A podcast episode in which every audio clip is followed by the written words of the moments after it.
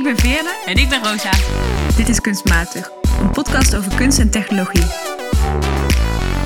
Hey hallo en welkom bij Kunstmatig, een podcast waarin wij, Veerle en Rosa, het grensgebied tussen kunst en technologie verkennen. Want hoe beïnvloedt technologie hoe we kunst ervaren en welke kritische vragen stelt kunst aan technologie? Vandaag gaan we op onderzoek uit naar de relaties tussen big data en intimiteit. Ja, informatie is uh, overal om ons heen. En met de komst van het internet werd die informatie ook steeds beter beschikbaar. Ja, big data is een term die daar vaak voor gebruikt wordt. Het is een populaire term hè? en het staat heel erg voor het verzamelen, het verwerken, het verbinden van een hele grote hoeveelheid uh, semi-gestructureerde gegevens. Ze wekken heel vaak de indruk dat ze gestructureerd zijn, maar misschien als je net wat beter gaat kijken, valt dat een beetje tegen. En het is vooral ook grote datasets die gebruikt worden om ja, tot soort conclusies te komen over jou of over een gemeenschap. Een heel goed voorbeeld dat ik tegenkwam is dat bijvoorbeeld Target, hè, Amerikaanse warenhuis, die gebruiken dus big data, informatie die ze verzamelen over het koopgedrag van hun, uh, van hun bezoekers, van hun klanten, gebruiken ze om bijvoorbeeld in te kunnen schatten of iemand waarschijnlijk zwanger is of niet. Dus op basis van wat jij koopt, kan ook Albert Heijn zien of jij je aan je in januari uh, voornemens houdt. Best wel akelig eigenlijk als je er op die manier over nadenkt. Ja, wat daar heel erg mee samenhangt is dat we zowel verwerkers zijn van informatie, dus we kunnen zelf heel veel dingen opzoeken, maar we zijn ook bewust en onbewust voortdurend data aan het produceren. Door inderdaad via de bonus-app van, uh, van de Albert Heijn gezonde producten te kopen. Of uh, toch maar stiekem dat uh, stukje chocola opnieuw. Ja, wat in, aan dit thema, waarom we dat in contrast willen stellen met intimiteit, is omdat we, als we het hebben over big data, als het gaat daarover in de media, dan gaat het heel vaak over de heb je een soort beeld van objectiviteit. Van, oh ja, meten is weten, er is heel veel informatie, dat is alleen maar beter. Kunnen we efficiënter werken, tot conclusies komen. Terwijl al die data komt ergens vandaan. Dus niet een soort natuurlijke bron die aangeboord kan worden. Die metafoor van die bron die aangeboord wordt, die noem ik niet zomaar, maar die noem ik omdat ik een supergoed artikel las van Sally Wyatt. Zij is hoogleraar technologie en maatschappij aan de Universiteit Maastricht. En zij, zij zegt, ook in een interview in Trouw, trouwens, ik zet het in de show notes, dat big data als een soort nieuwe olie wordt gezien. Zoiets wat we kunnen opboren en onuitputtelijke bron. En dan kunnen we rijker worden en efficiënter. En zij zegt van ja, die vergelijking is misschien positief bedoeld, maar olie heeft ook heel veel nadelen. het is een bron van vervuiling. Het kost heel veel geld om het naar boven te halen, om er fatsoenlijk mee om te gaan, om het schoon te maken. En dat geldt allemaal ook voor data. Maar dat zien we niet, daar hebben we het niet over. Het is geen goedkope bron van kennis die er zomaar is. Het vergt ook heel veel inspanning om daar goed mee om te gaan. Ja, en tegelijkertijd die metafoor van olie en, en data uh, wordt vaak gebruikt. Uh, wat daar ook weer het probleem bij is, is dat het ervan uit lijkt te gaan dat die data zomaar in de wereld bestaat. Die data komt altijd ergens vandaan. Die wordt eigenlijk in zekere zin van ons afgenomen, soms zonder dat we er soms bewust van zijn. Dus bijvoorbeeld met het voorbeeld van de target. Jij bent zonder dat je erover nadenkt gewoon producten aan het kopen en het bedrijf trekt eigenlijk data uit jou met de bedoeling om daar weer geld aan te verdienen. Nou, er zijn een hele hoop uh, vragen die dit allemaal met zich meebrengt. En wij willen graag gaan kijken naar wat kunstenaars daarover te zeggen hebben, hoe ze dat verbeelden. En met name hoe aan de ene kant die grote structuren van big data ook heel veel zeggen over hele intieme persoonlijke informatie. Dus wat is de rol van kunstenaars in de tijd van informatieovervloed? Daar gaan we naar kijken, deze ja. aflevering. En we gaan zoals gewoonlijk beginnen met concrete voorbeelden. Ik ben heel benieuwd, Villa, wat heb jij deze aflevering voor ons meegenomen? Ik heb een installatiekunstwerk meegenomen dat ik zag in München. Het heet Trace React 2. Ehm, en het is van Dumbtype. Dumbtype is een Japans kunstenaarscollectief. Ik kende hen dus niet, terwijl ze zijn heel interessant, want ze houden zich al sinds de jaren 80 met technologische ontwikkelingen in de wereld, in, de in hun levens in Japan. Daar richten ze hun kunstenaarspraktijk met name op. En hun modus operandi is interessant omdat ze heel veel verschillende media daarin meenemen en zich altijd richten op En wat voor media zijn er voorhanden waar we mee kunnen werken. Maar ook wat voor invloed hebben die op het menselijk lichaam. En hoe kunnen we dat een onderdeel van ons werk maken. Dus hoe kunnen we nou een installatie ontwerpen die deze technologische ontwikkelingen bevraagt. Maar ook een fysiek effect heeft op onszelf. Laten we gewoon meteen even luisteren om een indruk te krijgen van mijn ervaring daar en van het werk.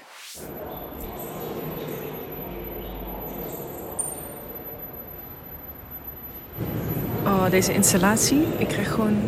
Ik word er duizelig van. Omdat de hele vloer spiegelt en het lijkt net alsof mijn benen wiebelen. En soms gaan de. Ja, het lijkt alsof de computers, alsof de eh, camera's woorden gaan elimineren. En dan spreken ze ook heel snel op zo'n manier dat je helemaal niet kan verstaan wat ze zeggen. Het is heel.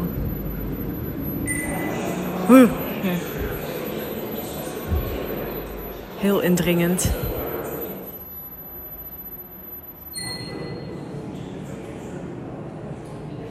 Ik stond in een ruimte, best wel een grote ruimte, die helemaal tot aan het plafond, er was een hoog plafond, hoger dan gewoon bij mij thuis. Helemaal tot aan het plafond waren er soort ja, schermen of muren, weet ik nog steeds niet helemaal, waarop ik eigenlijk continu in het donker, zwart, een zwerm aan witte woorden voorbij zag komen. Het zwermde overal, op het plafond, op alle muren, tot aan, tot aan de grond, helemaal tot boven meters hoog woorden. En die le leken zich soms te groeperen en soms ook weer uit elkaar te drijven. En dan ging er continu een soort een uh, rode lijn, alsof het een soort laser was, Ja. over die woorden heen. En dan af en toe was er een moment dat hij blijkbaar iets detecteerde. En dan gebeurde wat je net hoorde. Dan ging er een computerstem razendsnel. Allemaal dingen. En dan gingen die woorden heel veel sneller bewegen om je heen. En op de vloer, de hele vloer van die ruimte was een spiegel. Dus je zag het ook nog eens dubbel. Ja, ja, dus waardoor je de reflectie van die woorden die je op die schermen nog zag, keer nog zag. een keer op Onder je. En waren het woorden die je kon begrijpen? Ja, ja, het was Engels, allemaal. Dus je kende de woorden. Je kon wel niet... Het was zoeken naar hun samenhang. Het waren heel veel bijvoeglijk naamwoorden, omschrijvende woorden, van alles. Dus dan stond er bijvoorbeeld eh, onderaan eh, uncivil, senseless, eh, vulgar, horrid. Dus dat was dan een hoekje waar allemaal negatieve eh, Mhm. woorden Maar veel stonden. beschrijvende woorden? Veel het? beschrijvende woorden. Heel moeilijk om er samenhang. Expenses, paying, unpaid, sued, refunded. Dat is een ander hoekje weer, bijvoorbeeld. En het geluid dat we hoorden, toen je het begon af te spelen, moest ik allereerst denken aan het geluid dat je vroeger hoorde als de televisie uitging. Zo'n soort hoge Oh ja, zo'n hoge piep, ja. En daarna klonk het bijna alsof ik in, op een treinstation stond en stond te wachten op eh, de informatie die voorbij kwam. Ja, inderdaad. Ja, die hoge piep was continu aanwezig, alsof je in een systeem stond. Ja, En die treinstem, die herken je misschien op die manier, omdat het een geautomatiseerde stem was. Het was een stem die wel best wel menselijk leek. Het was niet de Google, de Google-stem, maar het was wel een geautomatiseerde stem. En ze sprak ook op een tempo dat niet menselijk was. dus eigenlijk stond je in een hele overweldigende stroom aan informatie. Zou ik het zo kunnen begrijpen? Ja, inderdaad. Dat was precies wat het was. Want wat het werk dus is, is een, een werk dat eigenlijk gaat over de banaliteit van kunstmatige intelligentie. En van het ordenen van grote, grote datasets. Het is heel monumentaal, super duizelingwekkend. Ik werd er letterlijk duizelig in, maar dat was ook de bedoeling.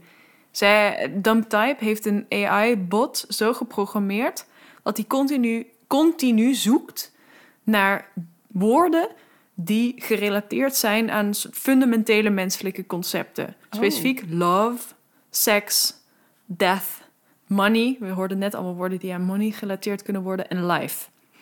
Dus heel abstracte begrippen waar wij allemaal beelden bij hebben, waar Mm. we concrete ervaringen over, hè, over hebben en herinneringen aan hebben, emotionele connectie. connecties tot hebben. Die bot die zoekt dus de hele tijd gerelateerde woorden, gerelateerde synoniemen en presenteert dat als een soort zwerm aan informatie aan je. Een soort ultieme mindmap. Ultieme mindmap die nergens op slaat. Want de verbanden die je misschien kunt leggen tussen woorden zijn, ja, in het beste geval zwak. maar vaak ook helemaal zoek. Dus het is totaal disoriënterend. Als je niet die context weet, dan denk je, wat staat hier in godsnaam? En jij zegt die verbanden die je legt, het werk spoort aan om die verbanden te gaan zoeken. Nou, het werk spoort aan, of spoorde mij althans aan, om te proberen begrijpen wat er nou precies gebeurde. Want het Mhm. was duidelijk, er worden hier een soort ordeningen aangebracht. Omdat één keer in de zoveel tijd was het, ging alles sneller bewegen en verdwenen er gedeeltes. Of werden er groepen naar elkaar, zweefden woorden naar elkaar. Dus dat wekt de suggestie van, oké, nu worden er dwarsverbanden gelegd. Maar ik had geen idee wat voor dwarsverbanden. Dus dat, dat, dat had voor mij maakte heel fysiek dat gevoel van: oh jeetje, hier is zoveel informatie. Ik kan dit niet verwerken. En dat gevoel, dat vond ik heel waardevol aan het werk, omdat dat heb ik niet zo vaak. Ik kom best wel goed mee. Ik weet, als in, ik ben van Hmm. een leeftijd waarop ik prima om kan gaan met internet, waarop ik scams herken, weet je wel, waarop ik best durf te zeggen dat ik weet wat ik zou moeten doen om enigszins normaal daar te navigeren. Maar ik dacht ineens, jeetje, dit is misschien ook hoe het voelt als op een gegeven moment technologieën komen waar jij geen grip meer op hebt, waar je je niet zo goed kunt oriënteren, waar je geen houvast hebt, zoals die razendsnelle ontwikkelingen op het gebied van kunstmatige intelligentie. Dus dat vond ik heel, ja, heel indringend aan het werk. Plus het maakt een soort van die betrouwbaarheid natuurlijk belachelijk, want. Het slaat nergens op wat dat ding aan het doen is. Het klinkt ook alsof het heel erg gaat over categorieën maken. Hoe algoritmes al die informatie die beschikbaar is in hokjes stopt om er een betekenis aan te geven. Ja. Maar die betekenis is voor ons als mensen soms heel moeilijk te, gri- te begrijpen of, of vat op te krijgen. Of banaal, inderdaad. Wat is de waarde er per se van? Ja, Lijkt alsof dat werk het op een hele mooie fysieke, ruimtelijke manier ook tastbaar maakt. ja precies. En het, la- het is tegelijkertijd overweldigend. Als in eerste instantie vond ik het echt overweldigend. Er- ik werd er echt gewoon een beetje misselijk van. En dat is natuurlijk een effect dat ze ook willen bewerkstelligen, denk ik. Omdat, jeetje, dit is de wereld waarin we leven, waarin bij wijze van spreken continu zo'n zwerm aan informatie om ons hoofd draait. Mhm. Dat is denk ik wel de realiteit. Maar tegelijkertijd is het inderdaad wat jij zegt. Het is echt het bevragen van, ja, wat, wat betekent het eigenlijk dat dit gecategoriseerd wordt? Moet ik daar wel op vertrouwen? Eh, in hoeverre zijn die intelligenties wel intelligent? En op basis waarvan? En wat is dit voor, voor kletspraat en voor gewoon nonsens die ik om me heen zie? Dat daalt dan langzaam in, terwijl je in dat eh, werk rondloopt. Ja, wat ik mooi vind is dat je vertelt dat je iets voelt. Dus het is echt vanuit die overweldiging, eh, die juist ook heel lichamelijk is, dat je een beetje misselijk wordt. En dat dat op die manier dan weer aanzet om er kritisch over na te denken. Ja. Je had het aan het begin van de uitzending even over dat idee van data als olie, of data die van ons wordt afgenomen, of die als we op een bepaalde manier gewonnen wordt. Als we vanuit die blik naar dit werk kijken, zijn er dingen die je er dan uithaalt? Oh, dat vind ik wel een leuke vraag. Nou, ik denk, als je het vanuit die, blik, vanuit die blik bekijkt, dan zou je kunnen stellen dat Dumptype als collectief zich eigenlijk naast iemand als professor Wyatt schaart. Omdat zij zegt ook, kijk nou eens even kritisch naar wat er allemaal gebeurt.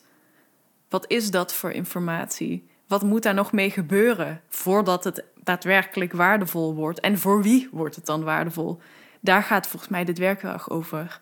Over laten zien dat nou ja, eh, je kunt wel een AI-bot programmeren om alle informatie over money op te halen, maar dan krijg je dus gewoon ook heel veel onzin en heel veel prut. Dus wat is daar nou zo waardevol aan? En is dit daadwerkelijk beter dan iemand die bijvoorbeeld veel kleinschaliger, maar veel kwalitatiever te werk gaat? Dat zou je kunnen afvragen. En ik vind het heel veelzeggend dat ze die bot woorden voeren, termen voeren, zoals liefde, zoals seks. Juist termen die heel waardevol en heel betekenisvol, maar ook heel abstract zijn. Juist omdat ze geleefd worden en onderdeel zijn van onze maatschappij. En ook wel thema's zijn die bij uitstek in de kunsten verbeeld worden. Ja, precies. En dat eigenlijk helemaal plat laten slaan, expres, door de manier waarop ze vervolgens data laten verzamelen. Vele Trace React van Dumptype, is dat kunst of is het matig? Kunst, uiteraard. Kunst. Ja, nee, het was een werk dat eh, allebei de vragen die we altijd centraal stellen in onze podcast in één werk wist te verwerken. Dus het was zowel, eh, ze maakten zowel gebruik van nieuwe technologie om het werk te construeren. Dus door middel van zo'n kunstmatige intelligentie werd het werk gegenereerd.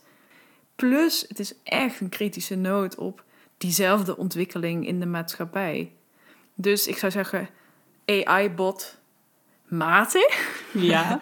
installatiekunst.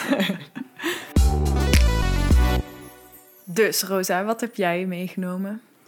Ik heb een werk meegenomen dat ik afgelopen donderdag zag in Zurich, in Zwitserland. In een eh, tentoonstelling in een vrij kleine kunstinstelling. Het was eigenlijk maar één ruimte. En er was een tentoonstelling te zien, Can You See Me Now? En die ging helemaal over surveillance. Nou, daar gaat mijn eigen onderzoek ook over. Dus daarom was ik eh, daar gaan kijken. En dan zag ik een werk van een kunstenaar die ik al een tijdje kende. Haar naam is Lauren Lee McCarthy. Ze heeft veel werk gemaakt over surveillance, eh, waarvoor ze onder andere een keer een soort zo'n slimme assistent, Alexa, die je thuis in je huis kunt gebruiken, is gaan nadoen. en mensen heeft opgesloten in een kamer. En eh, nou, dat is best wel bekend werk dat heel vaak terugkomt. Maar nu heeft ze een nieuw werk gemaakt, speciaal voor die tentoonstelling. En de naam daarvan is Selva. Het is eigenlijk een Speeksel? speeksel, inderdaad, slijmspeeksel. En het werk is een reflectie op speeksel dat we de afgelopen twee jaar ontzettend veel hebben uitgewisseld. Met stokjes uit neuzen? En uit monden, Oh, inderdaad. En het, het werk is een performance, Ja. maar het was te zien als een installatie. Dus het is deels een soort archief of een soort documentatie van de performance die tijdens de opening van de tentoonstelling plaats heeft gevonden. Het heeft verschillende elementen, dus misschien is het leuk als we even gaan luisteren naar een stuk eh, audiofragment dat ik heb opgenomen. Wat ik zie is een groot groen vlak op de grond. Twee tafeltjes met aan de eerste tafel langs weerszijden twee stoelen waar je op kunt gaan zitten.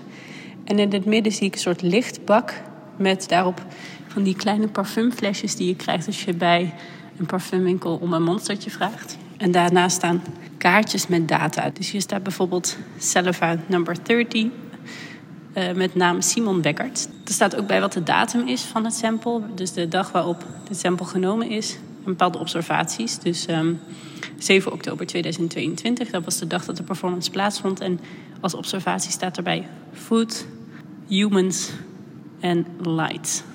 En ik zie dat de flesjes verschillende kleuren hebben. Dus sommige zijn helemaal doorzichtig en een aantal zijn een beetje... Het ziet er een beetje uit als plas, om eerlijk te zijn. Een beetje gelig. En de persoon die mij net een rondleiding gaf, die zei ook... eh, er was wat alcohol aanwezig op het, eh, op het feestje, op de opening. Dus dat is ook wel terug te zien. Eh, er is wat, wat witte wijn of wat rode wijn gedronken, blijkt. Oké, dus jij zat in een soort semi-wetenschappelijk laboratorium met allemaal buisjes met slijm? Dat is precies eh, hoe ik het ervoer. Ik, als het niet in de context van die tentoonstelling was geweest, dan had ik gedacht dat er elk moment een wetenschapper in een labjas eh, binnen zou komen om dat speeksel te gaan onderzoeken. Wat we dus zien is een ehm, ja, installatie op basis van de performance eh, die de kunstenaar heeft georganiseerd. En wat ze daarvoor heeft gedaan is dat ze een uitwisseling orchestreerde, waarbij zij zelf wat slijm van zichzelf uitwisselde tegen slijm van de deelnemer. Van de Dus persoon iemand die kreeg haar slijm. Iemand kreeg haar slijm. Eh, die andere persoon gaf in ruil daarvoor zijn of haar slijm in een, eh, in een flesje. En dat alles onder hele duidelijke terms of exchange. Dus hele duidelijke voorwaarden voor die uitwisseling. en die voorwaarden houden onder andere in dat er heel duidelijk staat dat het slijm niet mag gebruikt worden voor DNA-onderzoek, voor biologisch onderzoek, voor medisch onderzoek, om wapens mee te maken. Alleen voor het tentoonstellen van dat slijm. In ruil daarvoor mag de, de bezoeker die het slijm heeft uitgewisseld alles doen wat hij wil met het slijm van de kunstenaar. Nou denk je, waar, waarom is dit in godsnaam relevant en waarom heeft dit met informatie te maken? Deze performance is een reflectie op, nou ja, wat ik al zei, de context van COVID, waarin we voortdurend werden geacht om het slijm te laten testen, om te kijken of we ziek waren of niet. Ja. En wat er daarin gebeurde, is dat eigenlijk iets heel intiems, iets heel erg van binnen in ons lichaam, een soort bijna ruilmiddel werd, of een, in ieder geval een belangrijke bron werd van informatie. Voor om ons vrijheid. toegang te geven, inderdaad, voor vrijheid, om Oh. bepaalde plekken wel of niet binnen te komen. En het is niet voor niks dat een kunstenaar als Lee McCarthy in dit onderwerp geïnteresseerd is. Zij is al langer bezig met systemen van surveillance. En ze vraagt zich af, worden we, is dit ook een vorm van surveillance? Um, en wat betekent het dat eigenlijk die hele biologische, lichamelijke elementen van ons um, ook op die manier bekeken worden en, en geanalyseerd worden? Maar vooral kunnen we op een andere manier nadenken over de uitwisseling daarvan. Want het is natuurlijk een hele hiërarchische uitwisseling. Hè? Ik weet ook nog, ik ging naar zo'n centrum, die stok ging in mijn neus. Het buisje ja, ging ergens heen en op een gegeven moment kreeg ik dan een appje dat ik oké was. En dan mocht ik naar een feestje toe bijvoorbeeld. Ja. Maar wat er precies met die data gebeurt, of die data goed werd opgeslagen, allerlei dat soort vragen over privacy-issues bijvoorbeeld, die zijn natuurlijk heel belangrijk. En omdat het allemaal zo snel ging, was er ook veel kritiek op. Maar merkte je ook, ik doe het gewoon. En wat die kunstenaar heel graag wil doen, is eigenlijk wat meer uitzoomen en denken van als we daar nu op terugkijken, um, wat betekent het om zo'n persoonlijke informatie voortdurend te delen, zonder te weten wie de persoon is die wat met die informatie gaat doen? Dus door middel van die performance wilden ze eigenlijk die uitwisseling op een andere manier vormgeven, op een meer mhm. intieme manier vormgeven. En wat ik er interessant wel aan vond, als je kijkt naar die lichtbak met al die parfumflesjes, is dat het zowel een combinatie is van het hele abstracte. Uh, je ziet gewoon een stofje waar wij, nou, als ik er naar kijk, aan de ene kant niet zoveel uit op kunnen maken als niet-experts. En we zien die data, dus de dag, de naam van de persoon die die data heeft afgegeven. Maar tegelijkertijd komt er ook hele persoonlijke informatie uh, tevoorschijn. Dus iemand had bijvoorbeeld opgeschreven, there was some white wine involved bij de observaties. Mhm. En iemand anders zei, I feel like having a cigarette. Dus ik heb zin om een sigaretje te gaan roken. En dat contrast tussen aan de ene kant dat hele abstracte klinische, waar we ook gewend zijn juist niet op zo'n persoonlijke intieme manier over na te denken. En aan de andere kant wel dat die intieme persoonlijke informatie zette mij wel aan het denken van god, wat is eigenlijk de waarde van mijn lichaam? Wat betekent het dat ik dat toch best wel makkelijk dan afgeef? Ja. En zonder dat ik meteen wil vervallen in conspiracy theories. Of, daar, daar gaat het niet per se over. En dat vond ik dus wel mooi aan het werk. Het is niet een soort reflectie op moeten we dit wel doen, of, maar meer wat, wat betekent die uitwisseling en wat zegt dat ook over onze lichamelijke integriteit of over de waarde van de informatiewaarde van, van ons lichaam. Maar hoe verhoudt dit zich dan tot die olievergelijking? Vraag ik me meteen af. Want ja, dat speeksel, dat is in zekere zin wel iets dat gewoon aangemaakt wordt in je mhm. lijf. Waar je stukjes een beetje van kan aftappen als je dat om welke reden dan ook wil. Nou, ik denk dat die olievergelijking ons voor een deel kan helpen om dat beter te begrijpen. Er is een soort grondstof, er is iets wat gewonnen wordt, namelijk in jouw geval speeksel. En dat speeksel bevat bepaalde informatie, of het nou gaat over je gezondheid of inderdaad over je DNA. Ja. En daar kan een analyse op toegepast worden, daar kan informatie voor verzameld worden. Dus in die zin is het waardevolle informatie, net als dat olie waardevol is. Nou, in, ik denk wat het werk ons doet inzien, is dat jij daar nog een soort zeggenschap over hebt. Of dat het goed is om te realiseren dat het niet gewoon zomaar daar is, maar dat ja, maar dat er ook dingen nog mee gebeuren of zo. Ja, waar je daar dus normaal niet over nadenkt. Ja, precies. Dus wat gebeurt er in dat verwerken van die grondstof, als het ware? Um, en hoeveel macht heb je zelf om te bepalen of je wel of niet die data afstaat? Je zou bijna kunnen beargumenteren dat er pas in het verwerkingsproces die waarde ontstaat. Inderdaad. Ja. En dat dat niet die data op zich is, die spe dat speeksel op zich, dat de waarde al heeft. Maar dat heeft het potentie om geanalyseerd te worden en tot iets waardevol geconstrueerd hè, te worden. Absoluut. Namelijk in de context van een pandemie. Inderdaad. En door die terms of exchanges, die uitwisselingsvoorwaarden, word je ineens heel bewust wat die waarde kan zijn. Dus als ik een stukje speeksel op de grond of een vlek speeksel op de grond zie leggen, denk ik wel, dan denk ik niet zozeer, hé, hey, hier kan ik een militair wapen van gaan maken. Maar dat kan dus wel. Maar dat, dat kan dus wel. Of daar kan het voor gebruikt worden. En het deed me daarin ook denken aan aflevering 7 van onze podcast, waarin ik het werk van Heather Dewey Hackborg besprook. Een kunstenaar die op basis van DNA wat ze op straat vond, of zoals haren, maar ook speeksel, um, portretten construeerde. Daar wordt het nog een stuk concreter, denk ik. Maar ook dat gaat natuurlijk inderdaad over, je vindt bepaalde informatie, ehm, wat doe je daarmee in het, in het verwerkingsproces? En wat ik mooi vind aan het werk, is dat zij wel heel bewust wil bevragen hoe die hiërarchische machtsrelatie aanwezig is op het moment dat die uitwisseling plaatsvindt. Dus als ik in dat hokje sta en ik geef mijn informatie weg, dan ben ik totaal overgeleverd aan de persoon die die test aflevert, hoe dat vervolgens naar een lab toe gaat, hoe die data worden opgeslagen, of die data ook worden verwijderd daarna, ja of nee. En dat proces is heel moeilijk om inzicht te in te krijgen. En de kunstenaar wil dat eigenlijk openbreken um, en een meer intieme relatie daarbij aangaan. Mhm. Ja, wat ik, wat ik interessant vind is dat het werk gaat over intimiteit. En de suggestie is dat, het lijkt dat intimiteit zit in die ja, lichaamssappen, zoals speeksel. Ja. Terwijl je vertelt ook over briefjes die erbij zetten. Mensen die witte wijn hadden gedronken. Mensen die zin hadden in een sigaretje. En ik vraag me af wat die data eigenlijk meer zegt over intimiteit. En hoe dat data zou zijn die misschien in bepaalde geautomatiseerde processen er volledig uitgewist wordt. Om bepaalde redenen. Dus wat, wat vertelt dit werk ons over hoe we nadenken over intimiteit? Ja, mooie vraag. Ik denk dat het ook veel zegt over zeggenschap. Er wordt een, iets van je afgenomen en vervolgens kun je door die briefjes zelf bepalen wat je daarover wil zeggen. Wil je hmm. zeggen, nou, het is een beetje geel omdat ik net een rode wijn heb gehad? Hmm. Of wil je heel abstract, meer klinische termen daarover spreken? Vrouw 19. Precies. Maar het voelde voor mij dus heel intiem om te kijken naar de briefjes. Maar het hmm. voelde helemaal niet intiem om te kijken naar die stukjes speeksel. Dus die stukjes speeksel kregen voor mij echt betekenis door die briefjes ernaast. En ik vond het heel leuk om te zien dat bijvoorbeeld die kunstenaar Simon Becker eraan had meegedaan. Maar er waren ook mensen die hun naam niet vertelden of die misschien een andere naam hebben mhm. opgeschreven. Dat weet ik niet. Dus daar zit ook een stukje geheim.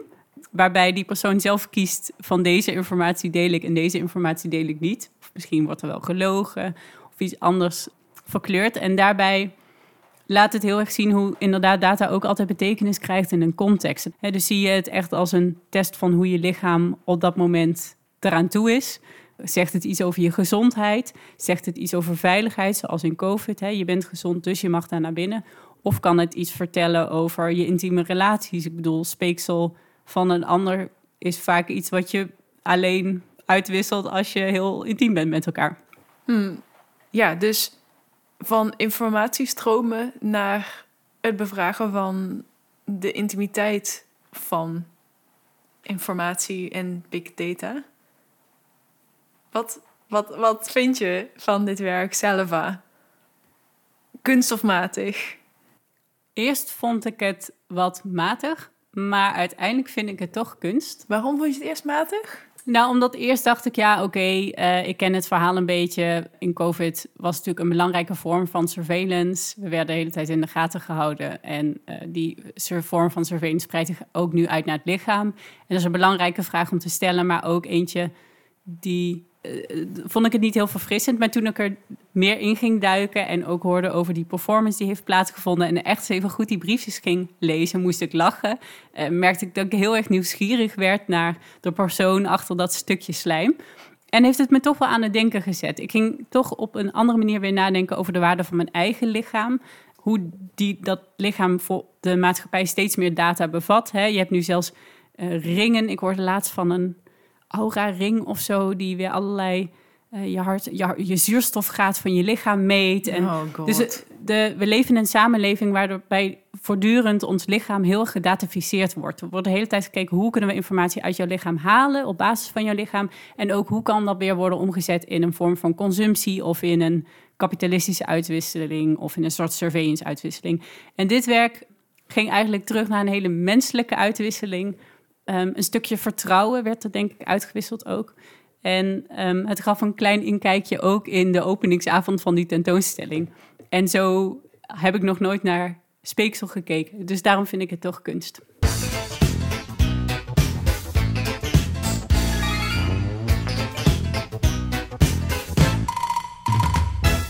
Deze keer in de gekke gadget bespreken we de Impossible CAPTCHA test van Pico. Dat is een creatief agentschap. En dit is dus een bijna onmogelijk op te lossen interactieve CAPTCHA-test. En nu denk je misschien, wat is in godsnaam een CAPTCHA-test? Als je op een nieuwe website inlogt en je wil net je bestelling plaatsen. En dan popt er ineens zo'n dingetje op met allemaal plaatjes. En dan staat er boven: klik op alle taxis. Dat is een captcha. De CAPTCHA-test is ontworpen en bedoeld om te testen of jij wel echt een mens bent. Of dat je een chatbot bent of een AI-robot of een niet-mens. En dit creatieve agentschap is daarmee aan de haal gegaan om een grotere vraag te stellen. Want wat maakt ons nou zo menselijk? Is dat nou echt het oplossen van een CAPTCHA-test of zit hem dat toch in andere dingen? Wat je je kunt voorstellen, het werk was te zien, de installatie was te zien op de Dutch Design Week uh, afgelopen herfst. En wat je zag was een heel groot scherm met gigantisch veel vakjes. Het lijkt bijna een soort opgeloste memoryboard. En daar moet je de vergelijkingen gaan invullen. Dus je moet gaan laten zien uh, welke plaatjes bij de vraag de zoekopdracht horen. En dan komt er een percentage uit om te laten zien dat je bijvoorbeeld 60% mens bent. Ja, dus het draait het eigenlijk om. Want normaal is de test natuurlijk, are you a robot? En dan als je het goed beantwoordt, want dan hoef je maar negen plaatjes te, te, te ordenen. Eigenlijk, want dat is wat je aan het doen bent. Uh, en als je dat even goed snel doet, dan weten ze: oké, dit is niet een uh, bot die we voor ons hebben. Maar hier werd het bijna onmogelijk gemaakt, want je had misschien wel, ja, zou ik dat eens inschatten? Misschien had je wel 200 plaatjes met één vraag. Selecteer alle zebrapaden. Nou, succes. Want er zitten ook altijd allemaal foto's tussen die een beetje ambigu zijn. Waarbij je echt even goed moet kijken. Oh, is dit nou een zebrapad? Of staat daar nou een witte boom langs die weg? Dus daar moet je echt onmogelijk veel aandacht op brengen. Om die CAPTCHA-test goed te kunnen doorstaan. En dus een, een beetje fatsoenlijk percentage mens te zijn. Volgens de test. Ja, en ik moet zeggen, als ik zo'n CAPTCHA-test tegenkom, vind ik het bijna een soort, een soort kunstinstallatie in zichzelf soms. Het is heel absurd, merk ik. ik. Ik vind het vaak heel absurd. Dat blijkt omdat ik die paar stoplichten kan onderscheiden, dat dat me een mens maakt. En tegelijkertijd is het zo dat als je dat doet, je vervolgens ook AI-systemen aan het trainen bent om beter dat soort plaatjes te ordenen en te herkennen. Dus eigenlijk maken we ons zelf daarmee ehm, overbodig. En in feite maak je dus door die test te doen het verschil tussen mens en robot een stukje kleiner. Wat wij grappig vinden aan deze gadget is dat je weet dat je een mens bent. Daar heb je geen CAPTCHA-test voor nodig. Maar toch zul je merken dat als je hem invult, je best wel opgelucht bent als blijkt dat je inderdaad 100% mens bent. En als het 10% is, is dat toch een beetje pijnlijk. Op een sokkeltje. Deze keer in het sokkeltje hebben we een installatiewerk dat we graag willen bespreken. En dat is een werk van Christy Westhovens. Een trouwe luisteraar merkt op dat we haar werk als eerder besproken hebben. Namelijk in de uitzending Gardening eh, in de samenwerking met eh, Creative Coding Utrecht. Maar deze keer gaan we het hebben over een installatie die op dit moment te zien is in de tentoonstelling Bevroren Muziek in Bureau Europa. Dat is een kunstinstelling in Maastricht. Dat is een kunstinstelling die zich bezighoudt met architectuur en stedenbouw en ruimtelijkheid. En nu gaat het specifiek over de rol die geluid inneemt in ruimtes. En het werk van Chrissy, het heet chattering, dus geklets, gekwebbel. Uh, bestaat uit drie schermen, zwarte schermen, totdat er geluid is in de ruimte. Want op het moment dat er iemand praat, bijvoorbeeld, verschijnt in real time wat jij zegt in haar kunstwerk. Je kunt je het werk eigenlijk voorstellen als een soort woordenvanger. Dus niet een dromenvanger, maar een woordenvanger. Je wordt voortdurend afgeluisterd als je je in die ruimte bevindt. En er is vervolgens een AI-systeem dat daar willekeurig losse woorden uitpikt en die vervolgens vertaalt naar geschreven woord. En wat je dan ziet is dat wat je opvangt, net als wat je in een café zou opvangen, dat het eigenlijk een beetje rare, abstracte teksten worden die soms ergens op slaan en soms ook helemaal niet, omdat iemand voorbij loopt en je vangt maar net een stukje van iemands zin op. En door al die verschillende woorden construeert het werk een soort gedicht dat wordt gemaakt op basis van al die individuen en al die individuele stemgeluiden die zich in de ruimte bevinden. En waar het mij ook heel erg aan doet denken, ik woonde hiervoor aan een best wel drukke straat, waar heel vaak mensen langs mijn ruimte of langs mijn uh, huis liepen. En dan hoorde ik altijd van die kleine flarde gesprekken. En het zette mij heel erg aan om te gaan fantaseren wat er aan dat gesprek vooraf ging en wat er aan uh, uh, hoe het zeg maar, zich verder zou ontwikkelen. Dus je hoort een heel klein stukje, nou ja, ook informatie of data, wat heel, soms heel intiem kan zijn. Eh, maar tegelijkertijd ook heel erg beperkt is. Dus maar een heel klein stukje van iemand laat zien. En dat werk maakt dat ook op een hele mooie manier zichtbaar. Dus hoe voel je de ruimte en hoe, wat is de rol van geluid daarbij, van de stemmen die je om je heen uh, hoort. Geluid kan heel erg een ruimte vullen. En dat wordt in dit werk visueel gemaakt. En als we het hebben over data, is het natuurlijk ook een interessant werk. Omdat onze gesprekken zijn iets wat we, nou ja, wat we eigenlijk continu in de openbare ruimte delen, tentoonspreiden, gewoon nou, laten lekker in zekere zin. En het feit dat dit werk bestaat uit een algoritme dat getraind is om dat op te pikken en vervolgens te vertalen naar tekst, doet je denken, of doet je nadenken, of doet mij in ieder geval nadenken over het feit dat dat dus kan. En dat er dus algoritmes zijn die je daadwerkelijk afluisteren. En die misschien minder vredelievend zijn dan het werk van Christie. Waarbij het onderdeel wordt van een tentoonstelling, maar daarna ook weer verdwijnt. En niet opgeslagen wordt en niet verkocht wordt en niet hè, gebruikt wordt om meer winst te maken. Maar ik weet niet of jij dat ook wel eens. Ik heb ook op Instagram vaak reclames. Dat ik denk, dat is raar. Daar heb ik het net over gehad. Dit gebeurt absoluut. Ik zag laatst ook een een meme, een grappig filmpje. Volgens mij was het een filmpje van een meisje die zei: uh, Ik ga allerlei woorden in de telefoon van mijn vriendje zeggen. in de hoop dat hij me dat voor mijn verjaardag geeft. Daar moest ik om lachen. Dat zijn mensen die het dan op een uh, andere manier gebruiken. Maar ik denk wat heel goed is, is dat het werk je bewust maakt van inderdaad de informatie en de waarde van de dingen die je zegt. Um, en hoe ook dat natuurlijk afgeluisterd kan worden of kan subject kan worden van surveillance. Ik denk dat we heel erg de neiging hebben om ons in te stellen op het visuele. Dus we worden misschien door camera's in de gaten gehouden. Uh, hoe kun je daar op zoek gaan naar een vorm van privacy? Daarnaast natuurlijk de data die je opschrijft. Maar stem en, en de dingen die je vertelt zijn evengoed een vorm van, uh, van data.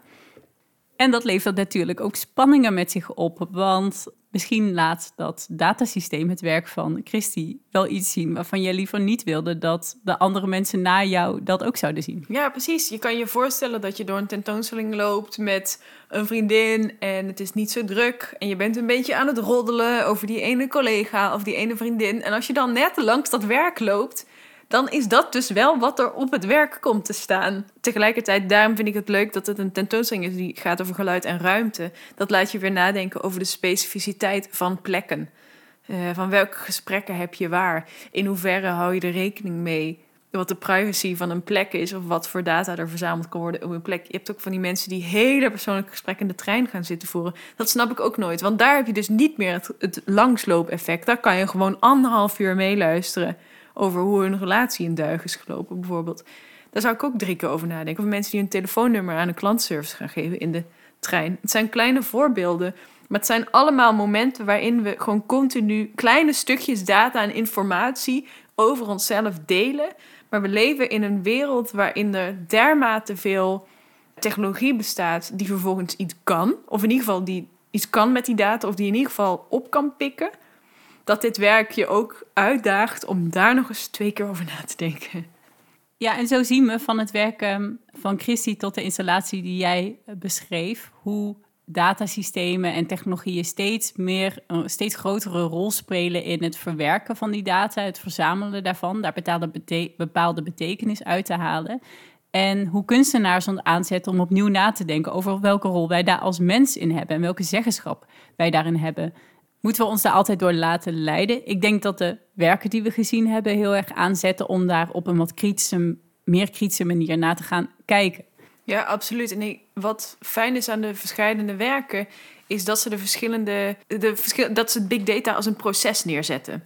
Dus dat we hebben gezien dat er van alles gebeurt. Dus dat het gaat om het verzamelen van die data, om daar vervolgens categorieën van te maken, om na te denken over waar en op wat voor manier, onder wat voor voorwaarden vervolgens met die data aan de slag wordt gegaan. Maar dat het dus inderdaad niet zo is van het wordt gewonnen en cessa, hoppakee, neutraliteit. Nee, natuurlijk niet. Nou ja, natuurlijk niet. Het is, logisch om, het is logisch dat we dat soms geneigd zijn te denken: wat zou zo fijn zijn hè, als alles makkelijk oplosbaar zou zijn. Maar we leven nou eenmaal in een wereld die niet neutraal is, die niet helder is, die niet opgeruimd is. Dus dan gaat de data die we daaruit halen dat ook niet zijn. Ja, en die context is heel belangrijk. Hè? Gaat het er nou om dat je je in een museum begeeft en daardoor je gesprekken een beetje aanpast? Misschien heb je het niet over de, je wilde uitgaansnacht, maar over de kunstwerken die je ziet. Nou, dat pakt zo'n systeem, eh, pakt het kunstwerk op. En in het werk van eh, McCarthy zagen we ook hoe context ervoor zorgt dat eh, je, je slijm een beetje geel wordt. Die belichaamdheid van data, ik denk dat ik dat heel mooi vind aan de, de werken die we hebben besproken. Dat het ons opnieuw laat voelen hoe ziet data eruit, wat is de waarde ervan, wat voor betekenis kunnen we eruit halen. Maar ook een belichaamde ervaring mogelijk maakt van die hele complexe, abstracte technologische termen. Ben je nou benieuwd geworden naar hoe de werken eruit zien? Check dan zeker even onze Instagram, kunstmatig de podcast. Daarnaast zijn we een onafhankelijke podcast en je helpt ons heel erg door ons te volgen op het podcastplatform waar je ons luistert. Dus klik zeker even op subscribe.